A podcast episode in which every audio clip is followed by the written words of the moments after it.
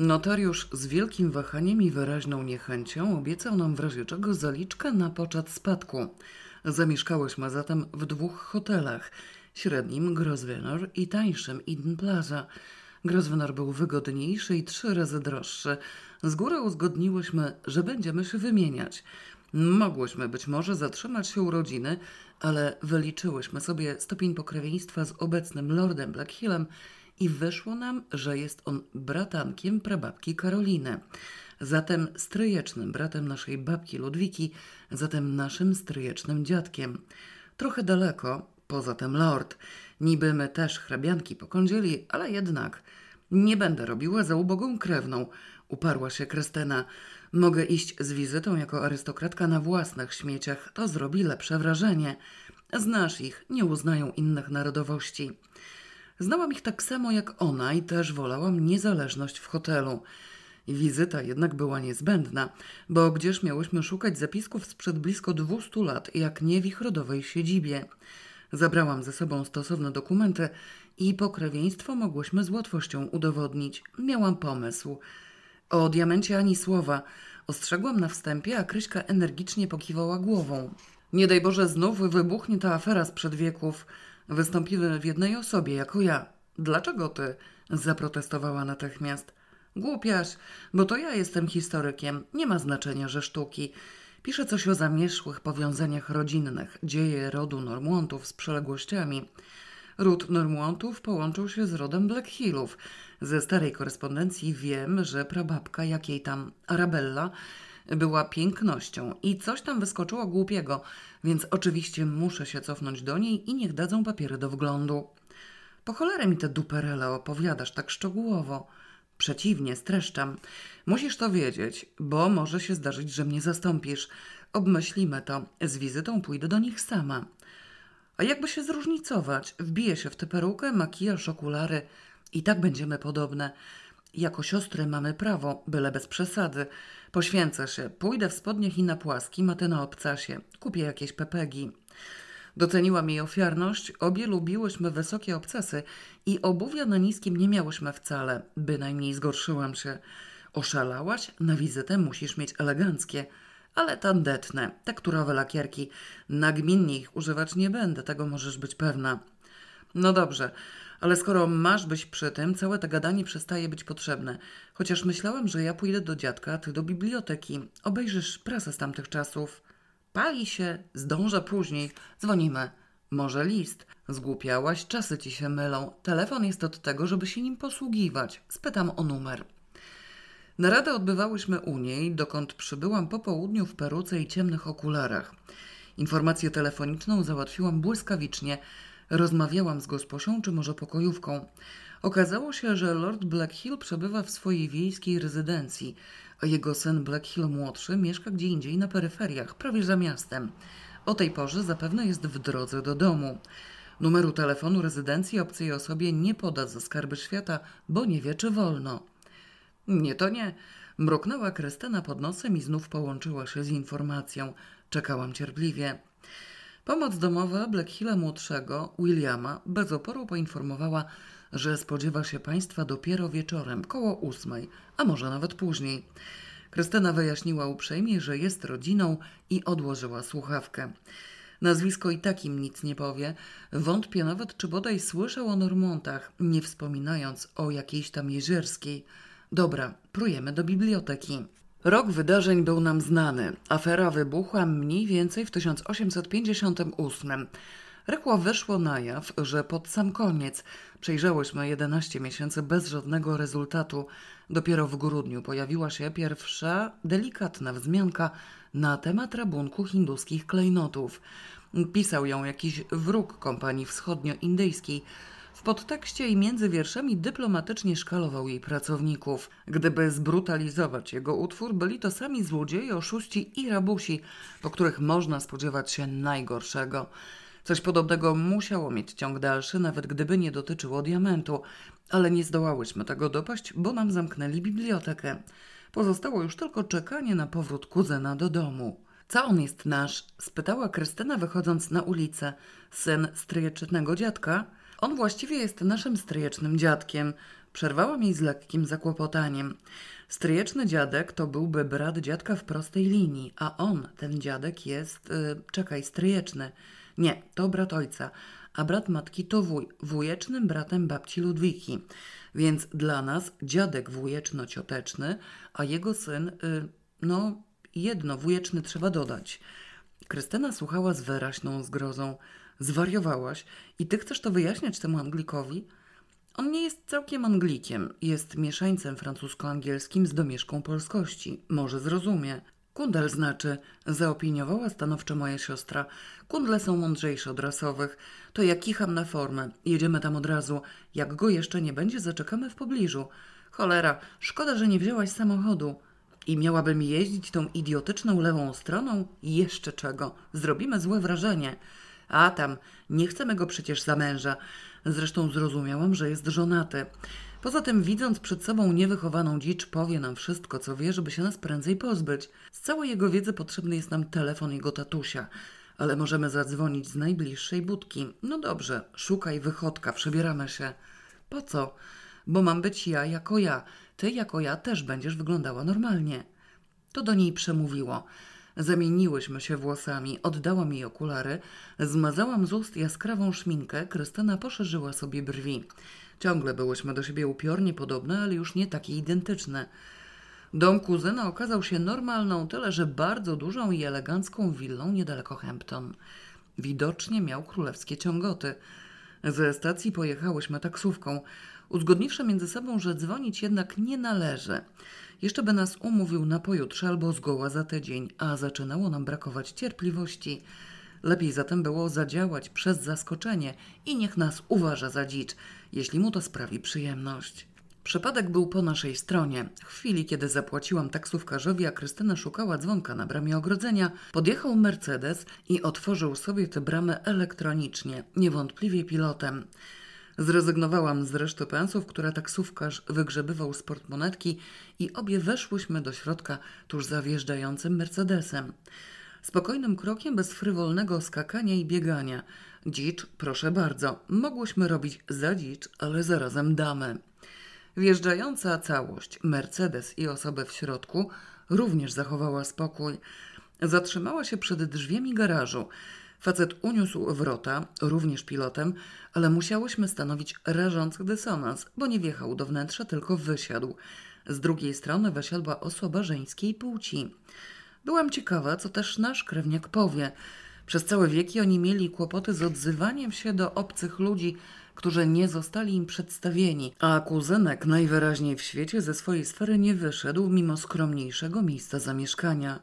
No i powiedział: Cudo, proszę się stąd oddalić, to jest prywatny teren. Gdybyś pojawił się przed naszym domem, z pewnością nie zostałbyś wyrzucony. Strzeliła z miejsca Krystyna językiem nie mniej pięknym od jego oksfordzkich wytworności. Mamy zwyczaj gościnniej przyjmować rodzinę. Nawet jeśli znienacka się pojawia i bez uprzedzenia, dodałam godnie. Kuzynek jakby zbaraniał i zapomniał ludzkiej mowy. Wtrąciła się dama, bez wątpienia małżonka. Rodzinę? Wzięłam w ręce dalszy ciąg konwersacji, rozpoczętej tak mało entuzjastycznie. Pan Blackhill zapewne? Szukamy naszego kuzyna, Williama Blackhilla. Proszę wybaczyć nagłe najście. Czy nasz stopień pokrewieństwa mam wyjaśnić tu, czy też jednak mimo wszystko zostaniemy zaproszone do domu? No, trawnik piękny. Z drzwi wyjrzało coś jakby lokaj.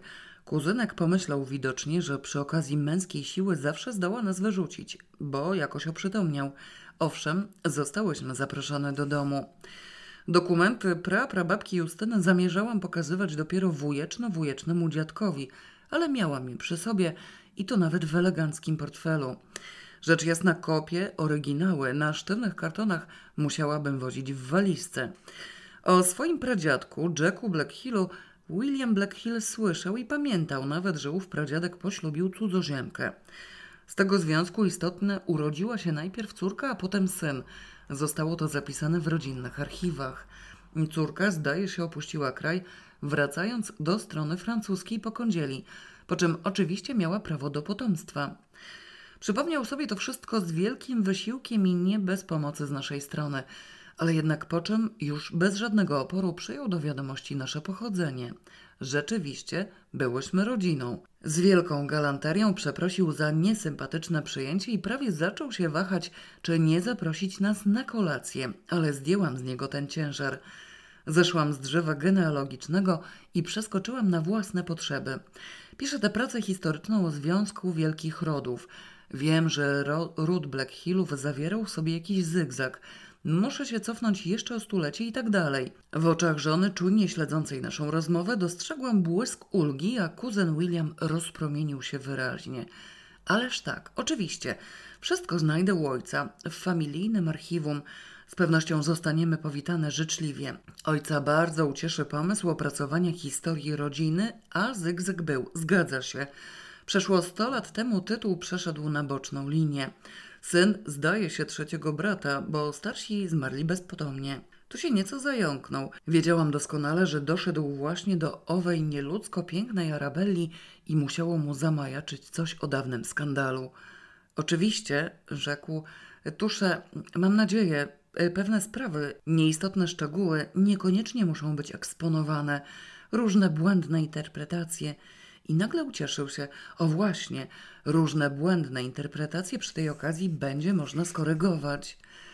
Z tym poglądem zgodziłam się chętnie, aczkolwiek wcale nie byłam pewna, czy korekta przypadnie mu do gustu. Upewniłam się, że do dziadka możemy zadzwonić, umawiając się na wizytę. Zapisałam numer telefonu.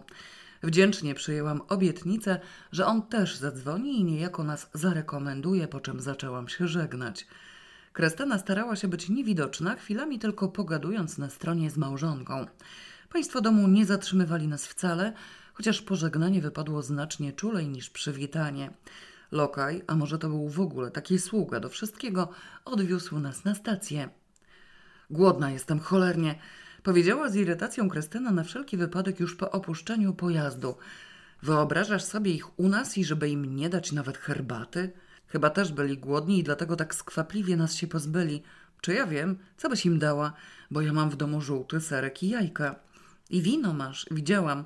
Zostawiłam w lodówce paczkowaną szynkę i zdaje się, że gdzieś poniewiera się spleśniały pumpernikiel.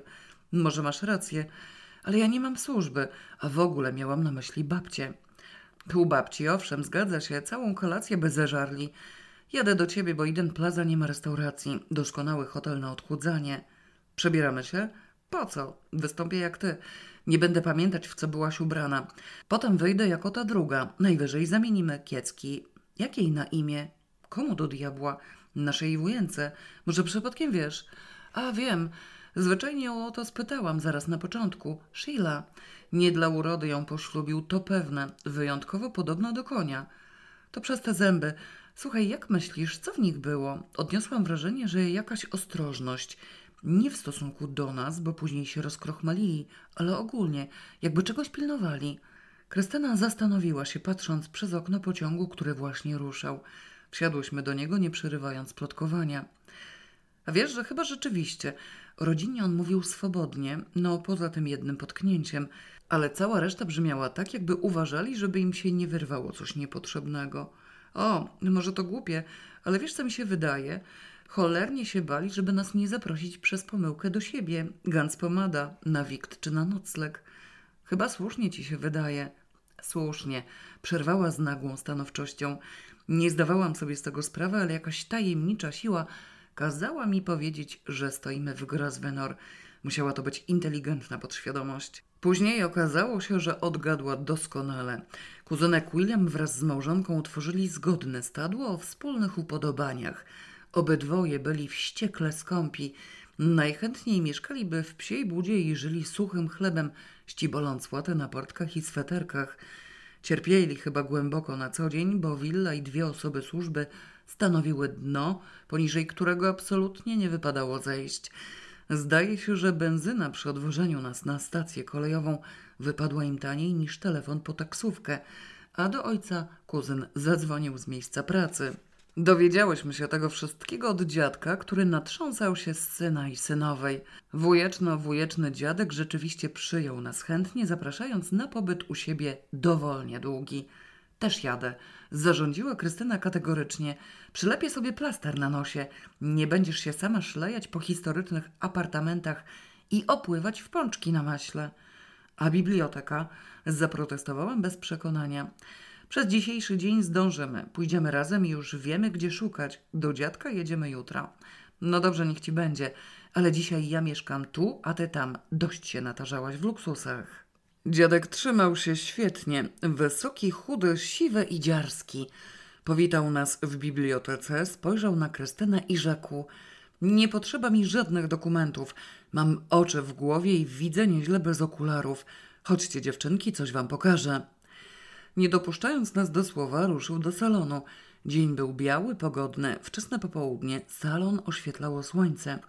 Wujeczno, wujeczny dziadek zatrzymał się przed jednym z portretów. Proszę, powiedział z wyraźnym upodobaniem i satysfakcją. Przyjrzyjcie się, jedna z naszych wspólnych, waszych i moich prababek.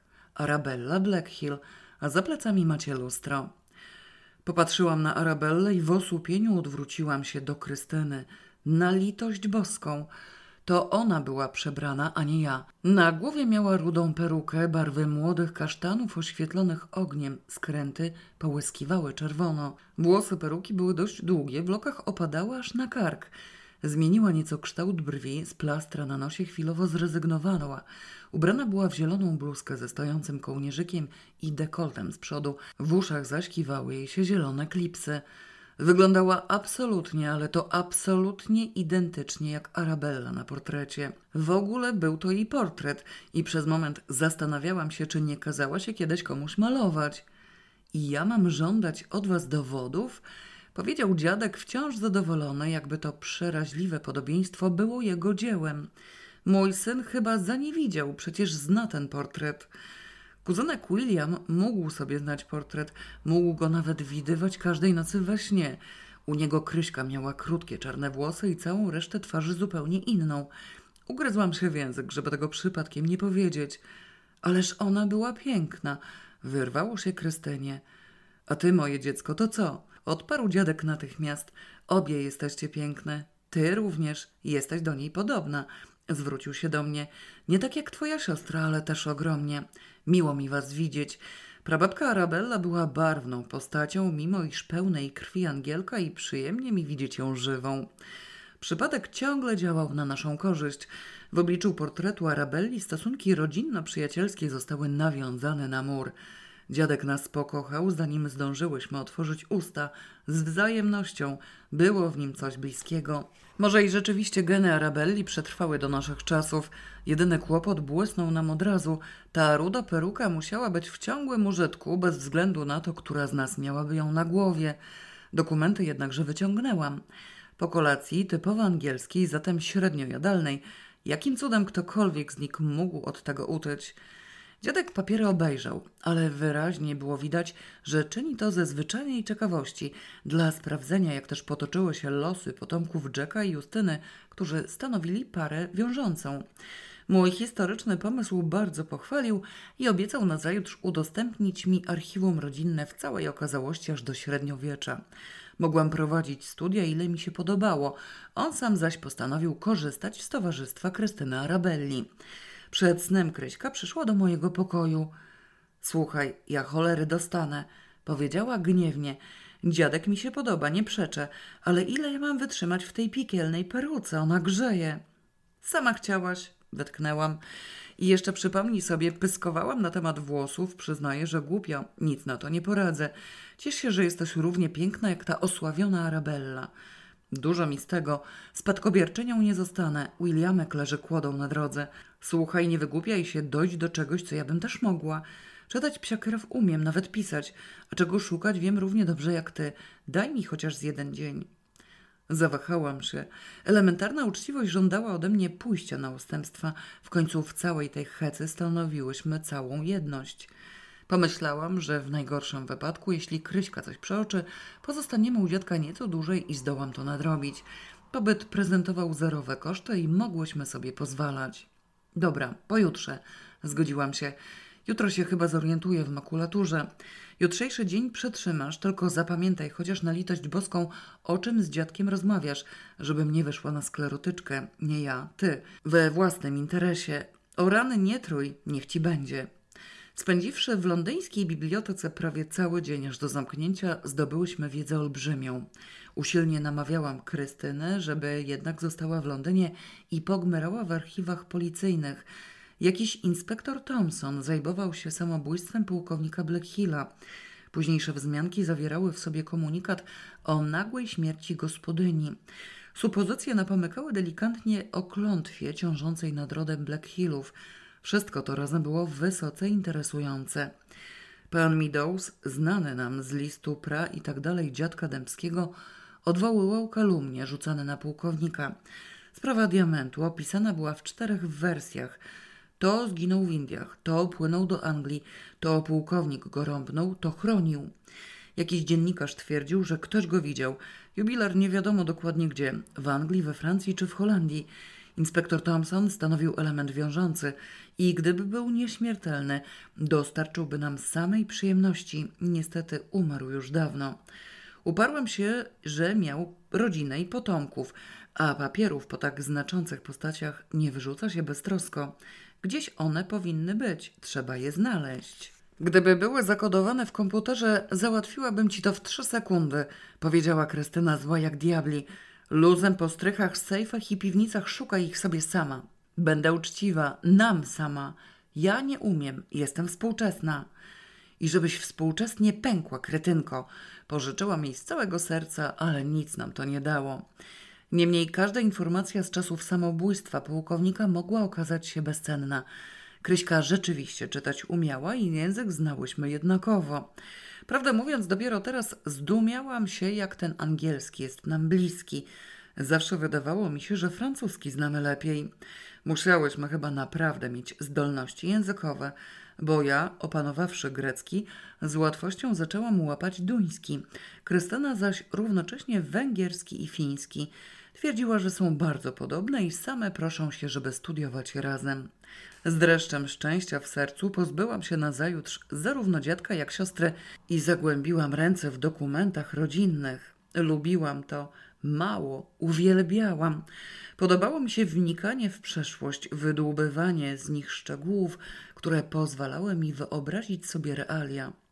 Znalazłam różne rzeczy. Intercyzę i akt ślubu Arabelli z pułkownikiem. Nie miała posagu. Pułkownik brał ją, można powiedzieć, w jednej koszuli. Obejrzawszy portret, można mu się było nie dziwić.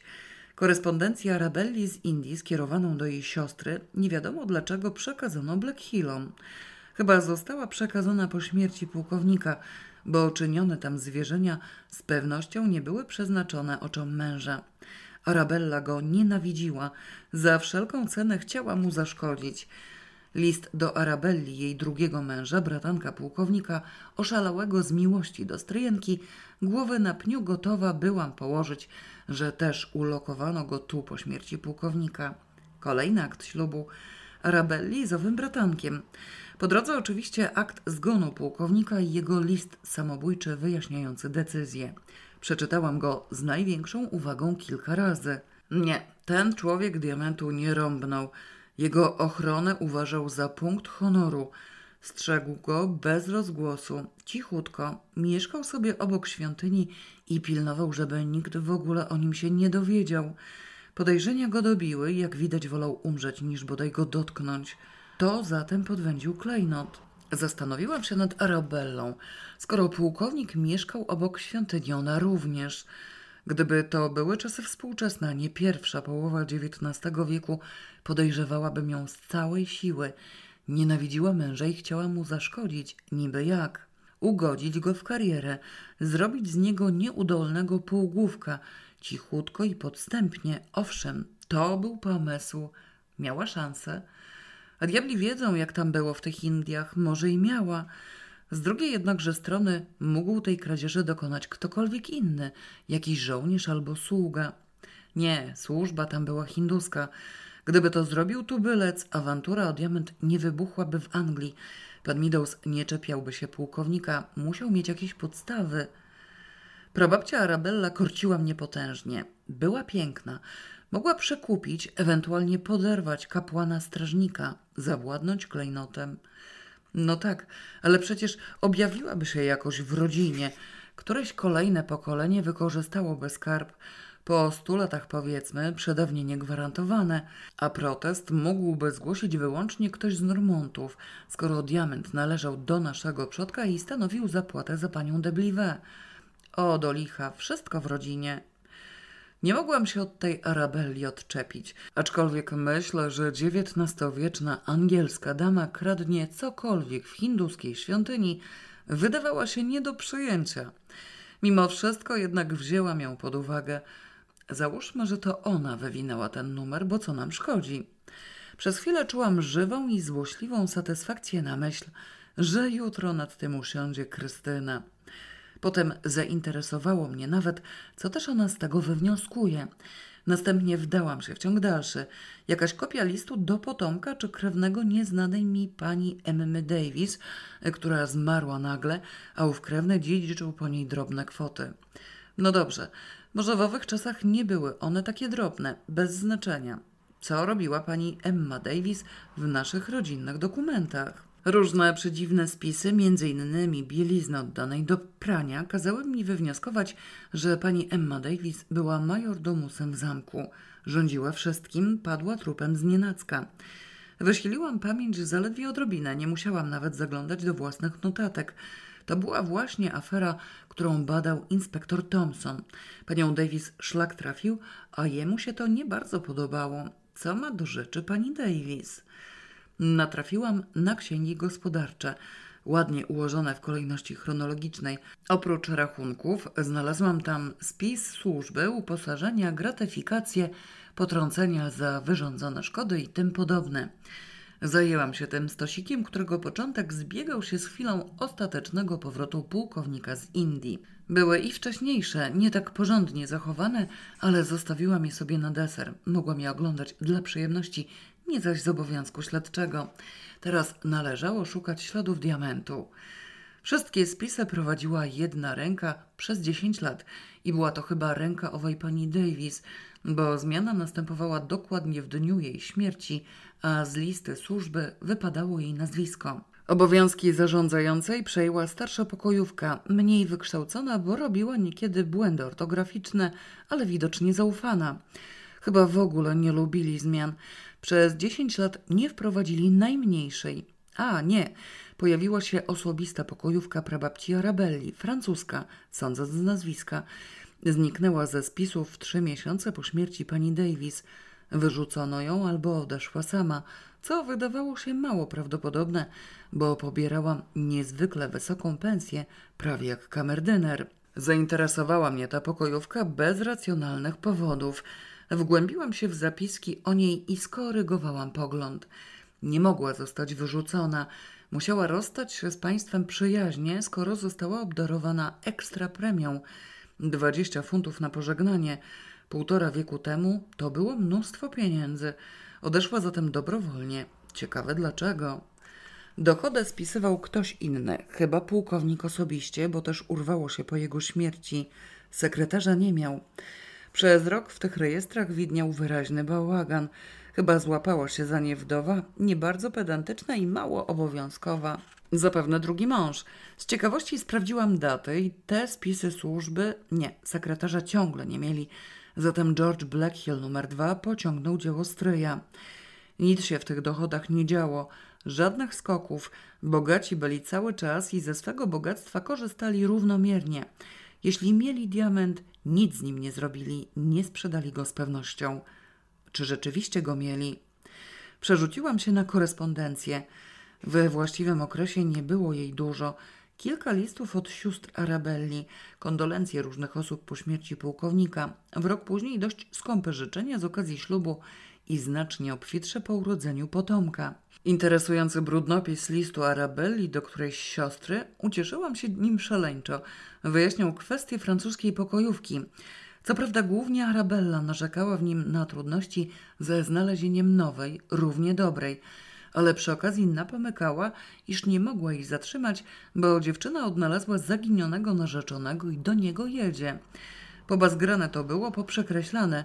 Umęczyłam się nieźle odczytywaniem gryzmołów, ale przynajmniej pozbyłam się jednej zagadki. Na paczuszkę wielce uczuciowych listów od małżonka numer dwa z krótkiego okresu narzeczeństwa zaledwie rzuciłam okiem. Dokumentacji dotyczącej uzyskania lordowskiego tytułu po zejściu ze świata starszej linii dałam spokój całkowicie. Zainteresowała mnie wielka koperta z napisem od inspektora Thompsona. Do wieczora już siedziałam nad kryminalną powieścią z wypiekami na twarzy. Czułam je tak wyraźnie, że aż poleciałam obejrzeć się w lustrze – Rzeczywiście były. Zlekceważyłam posiłki i od cudownej lektury oderwał mnie dopiero powrót dziadka z Krystyną. Kryśka tylko na mnie spojrzała i wokół jej błysnęło. No, powiedziała niecierpliwie. Złapałam oddech. Nic ci nie powiem, mam wnioski i tak dalej. Przeczytaj to sama i zobaczymy, czy będziesz miała takie same bez moich sugestii. Może ja jestem optymistka i poszłam za daleko. Optymistka to i ja jestem. Dobra, siadam jutro od rana, a ty robisz za Arabellę. Zrobiłam ci grzeczność. Jaką? Obiecałam dziadkowi opisać normła, meble i bibliotekę. Sama rozumiesz, że na twoje konto. Co jak co, ale to potrafisz. Konno jeździć też umiesz, więc grunt masz przygotowany. Doceniłam jej staranie i w zamian powiedziałam, gdzie czego ma szukać, żeby nie plątała się niepotrzebnie w papierach pozbawionych znaczenia – z naciskiem poradziłam inspektora Thompsona zostawić na koniec. Słusznie było iść tą samą drogą. Skąd on się tu w ogóle wziął, ten Thompson? Spytała, schodząc powoli na parter do jadalni. Nie należał chyba do rodziny. To ci mogę wyjaśnić. Przystąpisz od razu do sedna. Inspektor Thompson umarł na starość i jego wnuk spadkobierca uszanował dorobek dziada. Nie wyrzucił notatek, tylko porozsyłał zainteresowanym. Zgłupiał chyba, mógł się złapać za kryminały. Nie miał ciągu od literackich i słowo pisane trochę sztywno mu wychodziło, z listu widać. Zorientował się, że cała teczka dotyczy afery w rodzinie Black Hillów, więc odesłał. A Black Hillowie niech robią co chcą. Nic nie zrobili i wszystko sobie przeczytasz, a potem spróbujemy oderwać się od dziadka i podyskutujemy. Trudno będzie, westchnęła Krystyna. Zobaczysz. W ostateczności możemy podyskutować w nocy. I tak nam to właściwie wyszło. Konno jeździć umiałyśmy obie od dzieciństwa. Z przyjemnością wyruszyłam z dziadkiem na wycieczkę, realizując obietnicę, za którą trzeba przyznać, byłam Krystynie szczerze wdzięczna. Na temat mebli w normą mogłabym napisać pracę doktorską, a dziadka to wyraźnie ciekawiło. Spędziliśmy razem uroczy dzionek – Potem już we troje spędziliśmy uroczy wieczór. Potem zaś okazało się, że jutro spędzimy wspólnie uroczy poranek. Co do dzionka zaś dziadkowi furt towarzyszyć będzie ta podobniejsza do Arabelli. Od tej Arabelli zgłupiałyśmy tak, że bez mała udało nam się samym zapomnieć, która z nas jest która. Dziadek nudził się nieziemsko i widocznie stanowiłyśmy rozrywkę jak na Anglię nietypową bo otrzymał przy sobie co najmniej jedną pazurami i zębami. Ulegałyśmy owej presji obie, pokochawszy go między innymi za stosunek do psów. Poniewierały się te psy po całym domu i robiły co chciały, nie zawsze pozwalając się spędzić z kanap foteli. Bywało, że człowiek siadał na niedogryzionej kości, rano zaś z reguły okazywało się, że co najmniej jedna sztuka zaplątała się w sypialni i budziła swoją ofiarę lizaniem po twarzy. Nie szkodzi, lubiłyśmy psy. Dla siebie miałyśmy noc. Jedziemy, zarządziłam od razu pierwszego wieczoru po lekturze Krystyny. Musimy to obgadać, bo może trzeba będzie znaleźć więcej do czytania, a jak wyjedziemy, to już krewa. Możesz zacząć jak chcesz. Pokojówka, odparła na to Krystyna bez namysłu. Wracam do pierwotnej koncepcji. Diament rąbnęła praprababcia. Francuska pokojówka jest jedyną osobą, która stąd wyjechała. Podwędziła go i wywiozła. Przedtem załatwiła gospodynię. Kiwałam głową cały czas. Zgadza się, jednak przelećmy się po szczegółach, bo może coś z tego wyniknie. Po kolei. Po kolei to ta heca z kluczem mówi sama za siebie – Ktoś wlazł do jej pokoju, spała po opium. Jestem pełna uznania dla pana Thompsona. Opisał to koncertowo, jakbym sama była przy tym. Musiała coś wiedzieć. Może widziała, jak pokojówka kradła. A nie dopuszczasz, że w ogóle tylko go widziała i wykończyła ją sama prababcia dla zachowania tajemnicy? No i na co ci te bzdety?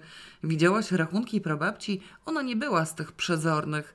Po śmierci pułkownika, czekaj, on nie był naszym przodkiem? Na szczęście nie, został z boku. To mogę się nim nie przejmować. Drętwa piła.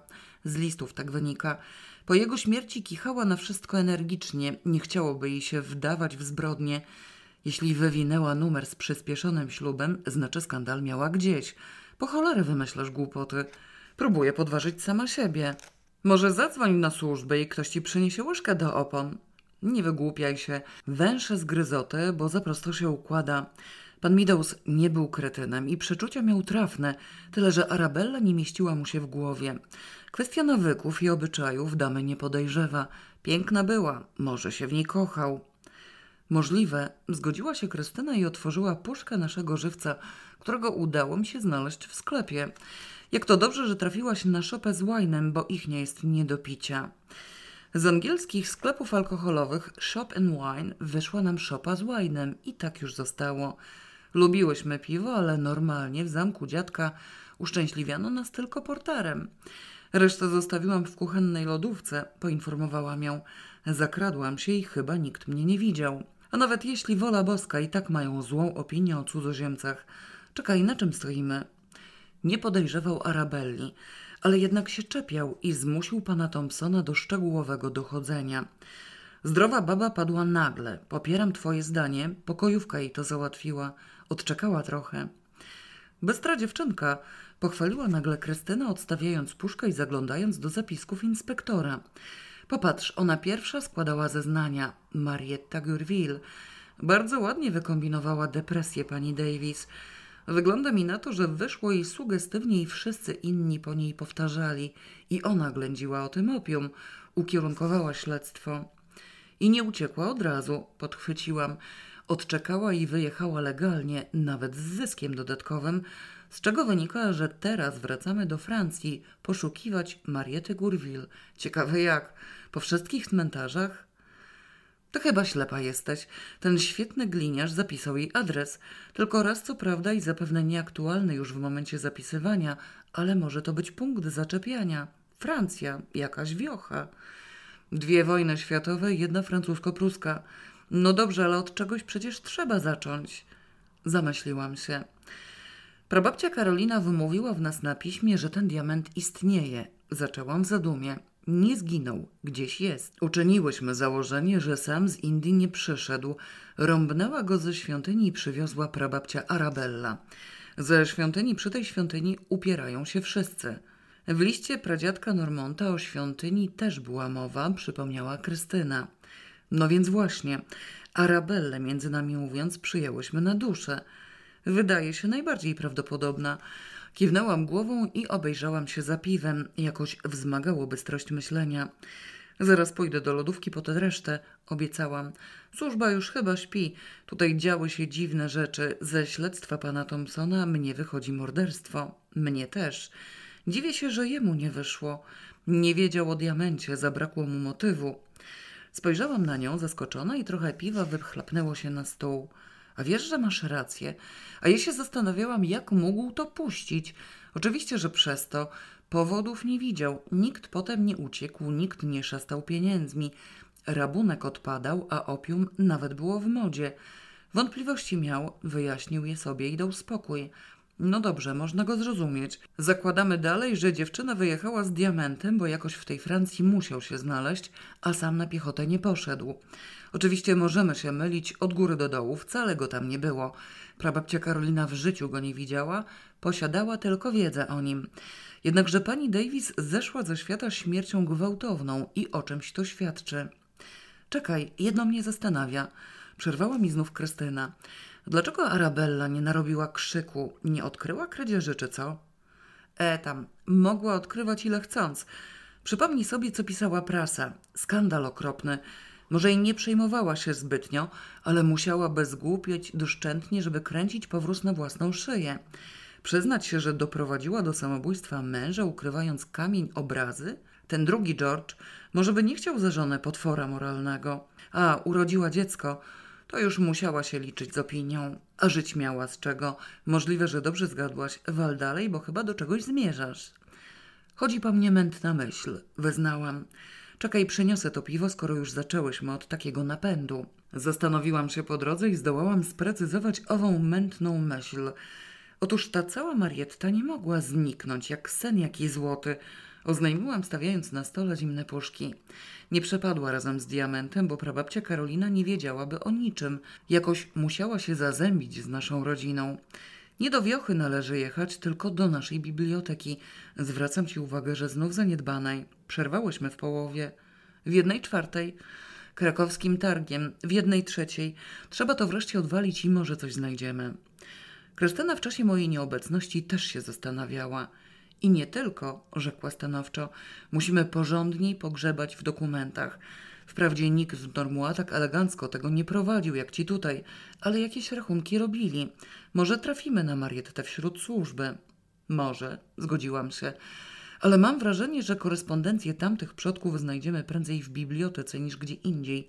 Nagminnie utykali wszystkie listy po książkach. Czekaj, i nadal nie tylko. Zauważ, ile mamy z prasy. Poszukałabym gazet w Paryżu. Wiemy, z jakiego okresu zaczęłabym od wyjazdu Marietty. Sięgnęłam po wielki notes, który nabyłam jeszcze w Paryżu dla porządnego prowadzenia naszych prywatnych akt śledczych i zaczęłam w nim notować zdobytą wiedzę. Kryśka dyktowała mi daty. Wyraźnie z nich wynikało, że przegląd francuskiej prasy musimy zacząć od 10 października 1861 roku, szukając wyłącznie nazwiska Marietty Gourville. Zastanówmy się może, zaproponowała Krystyna, co ta trucicielka z diamentem mogła zrobić, bo że nie wróciła do rodziny na prowincję, tego jestem pewna. Przeświadczyłam, jasne, że zagnieździła się w Paryżu. Wyjechała bez podejrzeń, nie musiała się ukrywać, nie bała się niczego, a pieniądze miała. Skąd wiesz, że miała pieniądze? spytała Krystyna zaczepnie, bo już zbyt długo byłyśmy jednakowego zdania i nie miałyśmy się o co pokłócić. Prababcia płaciła jej doskonale, nie miała na co wydawać tych pieniędzy, a na odchodne dostała jeszcze 20 funtów. Za 20 funtów w takim na przykład Boloń mogłaby żyć skromniutko przez rok. Już ją widzę, jak żyje skromniutko, z diamentem w garści. Głupiaś, z diamentem nic nie zrobiła, bo byłoby huk. I wcale nie mówię, że żyła skromniutko, mogła żyć bogato, a oszczędności musiała mieć, inaczej nie rzuciłaby takiej intratnej roboty. Nie wytrzymała nerwowo. Jakby była taka nerwowa, to by nie truła gospodyni i nie czekałaby spokojnie trzy miesiące. Może czekała w stresie. No dobrze, niech ci będzie. Czekaj, a jeśli nie miała pieniędzy, utkwiła w Paryżu, puściła wszystko z dużym wizgiem, może zaczęła kraść?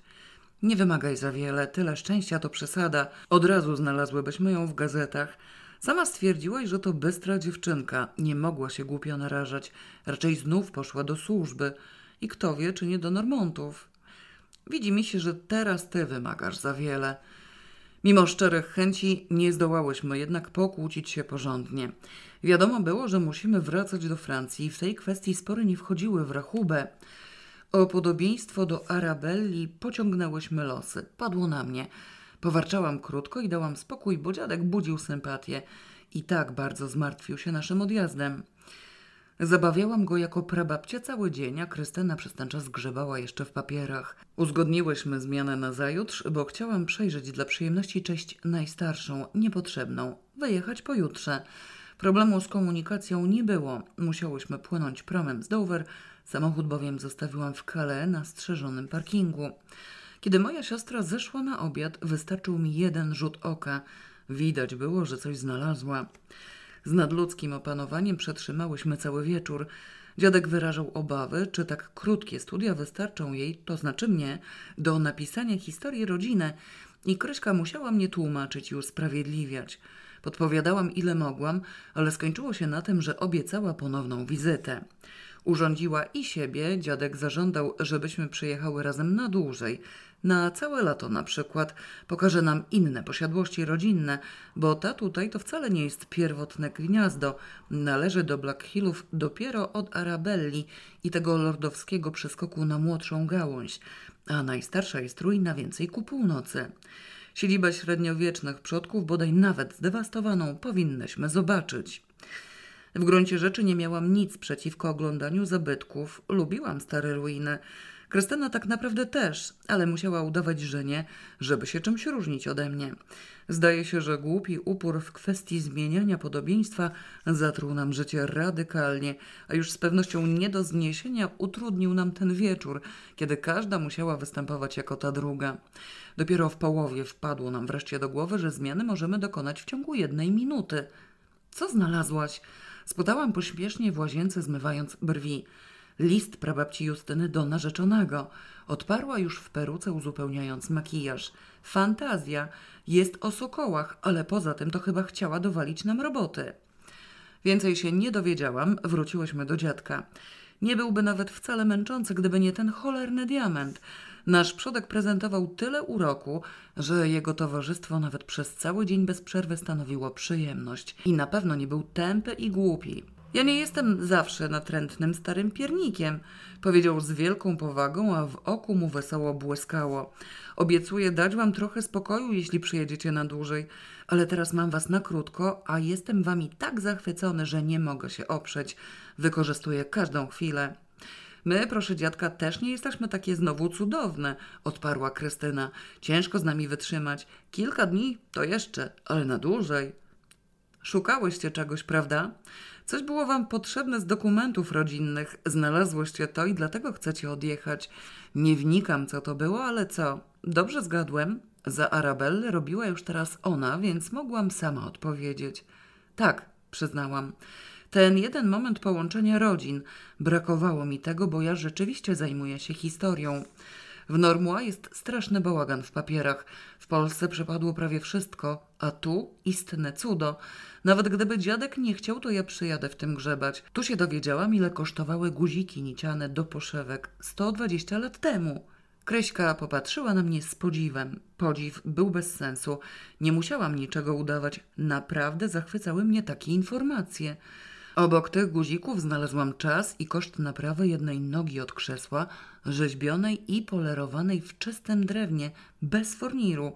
Dziadek bawił się znakomicie. Guziki niciane. Jak wy świetnie mówicie po angielsku, skąd wam się to wzięło? Do czegoś przecież trzeba mieć zdolności, westchnęła Krystyna. My mamy do języków. Po francusku mówimy jeszcze lepiej, nie wspominając o polskim. Szkoda, że nie jestem bogaty, powiedział dziadek z wielkim żalem. Podzieliłbym majątek. Dobrze, że Williamek tego nie słyszał, rzekła Krystyna, idąc po schodach na górę. Trafiłby go szlak na samą myśl. I po cholerę byłaś taka czarująca, aż mi się niedobrze robiło. Już się bałam, że dosiedzimy do rana. Zdziwiłam się szczerze. Ja miałam wrażenie, że ty. Prababcia Arabella do pięt ci nie sięgała. A cholera, lubię tego staruszka. Chciałam być nadęta i antypatyczna, ale chyba mi nie wyszło. A zsie mnie do listu prababci Justyny. Ciebie? A co ja mam powiedzieć? To trzeba było nie ględzić o guzikach, nogach, jajkach i ućcach baranich. List, pra i tak dalej babci Justyny pogodził nas, zanim zdążyłyśmy się pokłócić rzetelnie, czego już chyba obie byłyśmy spragnione. Usiadłyśmy nad nim zgodnie. Mój najdroższy, pisała pra i tak dalej babcia, niewątpliwie do narzeczonego Jacka Blackhilla. Mam nadzieję, że pamiętasz, dlaczego przyjechałam do Anglii. Mówiłam ci o tym. Na wszelki wypadek przypominam. Chciałam odnaleźć tego osobnika, posłańca jubilerskiego, a że znalazłam ciebie, to już druga sprawa. Otóż okazuje się, że on wcale nie wyjechał z Francji, dopiero później uciekł do Ameryki. Okazuje się także, że od tej dziewczyny usłyszałam prawdę. On wcale nie zabił mojego kuzyna Gastona. Co do trucizny w sokołach, to chyba jednak jej nie ma, ale nikt nie jest pewien. To w ogóle długa historia i opowiem ci ją osobiście. No i masz, warknęła Krystyna. Jak Boga kocham, na widok ptaszka będę gryzła. W towarzystwie mruknęłam. Ja też. Teraz jadę do Polski, do rodziców. Mój ojciec już wyzdrowiał. Babka próbuje dostarczyć mi zajęcia w bibliotece, ale to nic pilnego. Napomykałam ci o klejnocie rodzinnym. Nie, to też nie na list. Spotkamy się przecież niedługo. Piszę w okropnym pośpiechu. Konie czekają, napiszę spokojniej z domu, chyba że przyjedziesz. Kocham cię, twoja już wkrótce żona Justyna. Popatrzyłyśmy na siebie. Wariatka, powiedziałam z gniewem.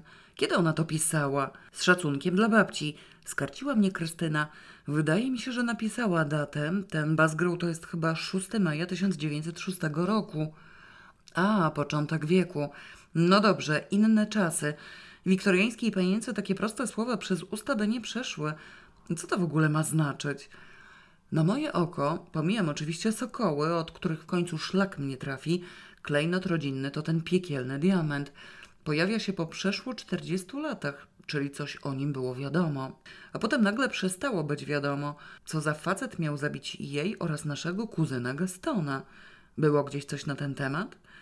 Nic takiego nie widziałam. Za to znów widzę tę upiorną bibliotekę. Ona mi się chyba zacznie śnić noc w noc. Wyjątkowo przyznaję ci słuszność. Trzeba cholerę odwalić.